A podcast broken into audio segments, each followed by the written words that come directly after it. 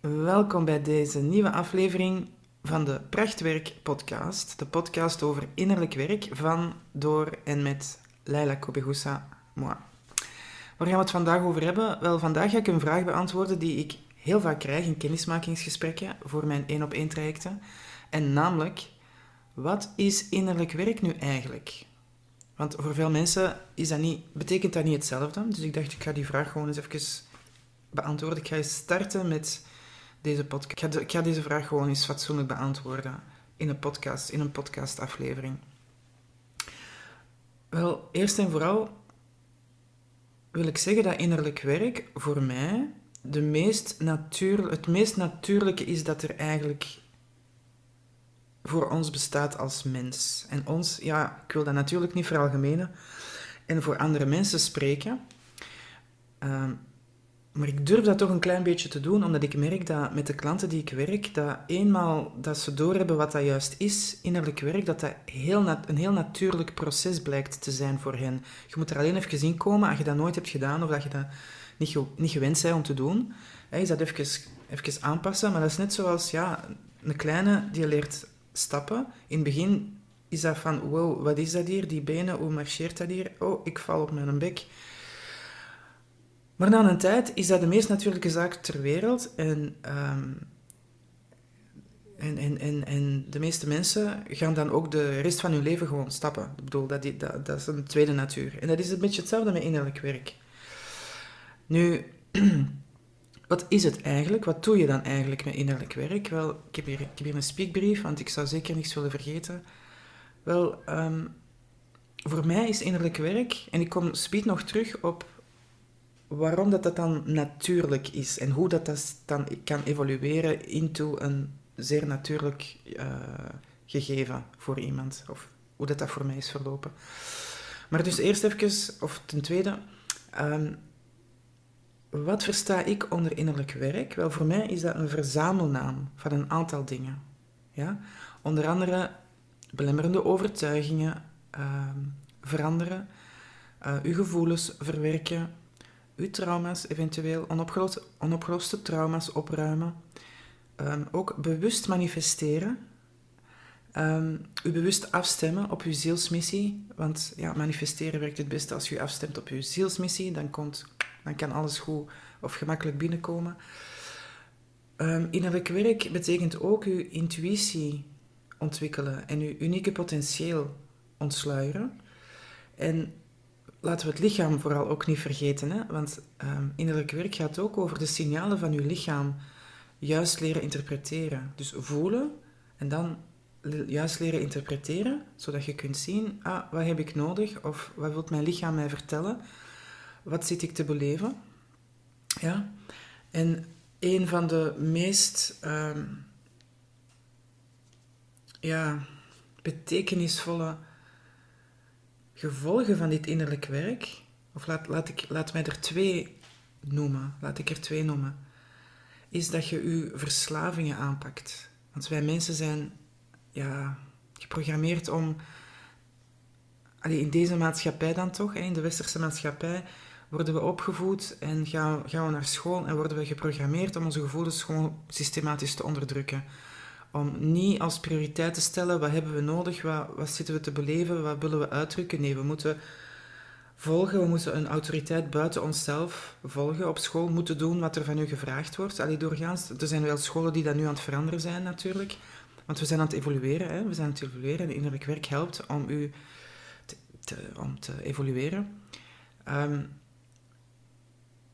wacht, nu ben ik even een draad kwijt. Wat was ik nu aan het zeggen? Ah ja, die verslaving. Dus dus als je gevoelens systematisch onderdrukt, dan wat, gebeurt er dan? Dan ga je in overlevingsmechanismes. En dat kun je ook verslavingen noemen. Dus beginnen eten als je eigenlijk iets moet voelen.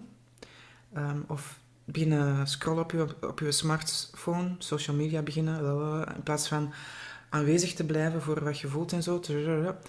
Uh, allemaal soort, soorten verslavingen en um, ja, die kunnen, daar kunnen mee te maken hebben in mindere of metere, metere, metere mate, metere mate, betere mate. In mindere of meerdere mate. Ehm, ah ja, dus ik kan maar zeggen dat kan intens zijn of, of heel intens of minder intens. Dat hangt van de mens af. Maar dus dat die overlevingsmechanismes die we, die we dan, waar we dan ingaan, die copingmechanismes waar we ingaan, in plaats van aanwezig te blijven voor wat we echt voelen en die gevoelens dan verwerken, dat, zijn, dat kun je ook verslavingen noemen. Ehm, die lost je ook op, systematisch, door het aangaan van je innerlijk werk. Dus dat is, dat is prachtig, is een prachtig cadeau. Een, een mooie bijwerking, een mooie bonus. Nu, de allergrootste uh, het allergrootste cadeau zou ik. Of al het allergrootste, ja, nou ja, we moeten dat niet per se vergelijken. Ik ga zeggen, een cadeau dat ook heel groot en mooi en prachtig is, uh, dat je erbij krijgt door je innerlijke werk te doen, is je creëert je paradijs op aarde op een bewuste manier en je werkt systematisch toe naar wereldvrede. Want de shit in de wereld die we zien, die is er alleen maar omdat we, omdat, het, omdat we er niet in slagen om onze conflicten zonder geweld op te lossen. Zo, het is zo simpel als dat. Het is zo simpel als dat. Als je kijkt naar wereld, wereldleiders, politiekers, ik bedoel, allee, als je serieus... Heb je al eens uh, naar, naar een uh, debat in de Kamer gekeken? Dat is, dat is uh, beschamend, hoe dat die mensen niet in staat zijn om verbindend te communiceren en om samen op een constructieve manier oplossingen te zoeken voor problemen. Dat, bedoel, in mijn persoonlijk leven slaag ik erin om dat te doen met mijn, met mijn mensen in mijn leven. Ik, ik los mijn conflicten niet op door te willen winnen of door mijn wil op te leggen of door uh, de andere de duivel aan te doen of belachelijk te maken of expres te gaan vermoeien door te filibusteren of zo van die shit. Dat, dat, dit is iets dat ik niet doe. Uh, nu, vroeger wel, maar ik ben mij gewoon heel bewust gaan ontwikkelen. Ik ben heel bewust volwassen gaan worden. Ik heb gewoon beseft op een gegeven moment in mijn leven van, oei, ik ben helemaal niet volwassen. Ik ben, uh, mijn gedrag is, uh, sommige dingen van mijn gedrag zijn super immatuur. En uh, ja, dat kan beter. En de, ik ben dan boeken beginnen lezen, persoonlijke ontwikkeling beginnen doen. Uiteindelijk ben ik dat ook professioneel beginnen doen. Want in een vorig leven, in, dit leven, in het eerste deel van mijn leven was ik een, een IT-consultant. Het is door, door het werken, samenwerken met mensen dat ik mij bewust ben geworden van mijn gedrag, van hun gedrag en van de, de root cause, de, de oorzaak van alle conflicten op het werk. En dat was gewoon van, ja, we, slagen er niet in om matuur te reageren op, op dingen.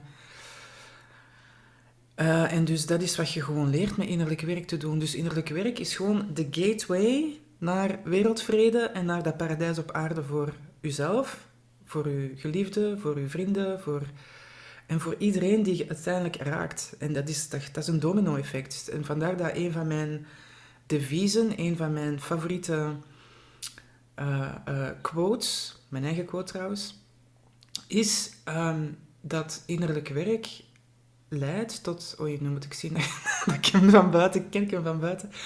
Innerlijk werk leidt tot een, een persoonlijke en collectieve, duurzame, uh, socio-economische evolutie. Gewoon bonk. Gewoon door je eigen innerlijk werk te doen, gaat dat ontstaan. Dus eigenlijk gewoon door jezelf te zijn, maar echt jezelf te zijn, niet in die overlevingsmechanismes te blijven zitten. Gewoon door jezelf te zijn, komt dat paradijs op aarde daar. En ik dacht, ja, dat lijkt mij echt wel efficiënt om, om, om wat meer over te zeggen, om explicieter over te spreken. Dus vandaar uh, deze eerste aflevering van de Prachtwerk-podcast uh, met als, uh, als antwoord op de vraag die mij heel vaak wordt gesteld: wat is innerlijk werk nu eigenlijk? Wel, dat dus. En dat is dan het voordeel van innerlijk werk. Je, je, eh, dat is ook de reden waarom ik innerlijk werk zo, zo waardevol vind. Uh, en en waarom, ik, waarom ik het zelf doe. Ik ben zelf elke dag bezig met mijn innerlijk werk. En ik zeg niet dat iedereen elke dag dat vol een bak moet doen. Dat zou wel tof zijn trouwens, maar dat is, dat is niet per se iedereen zijn pad.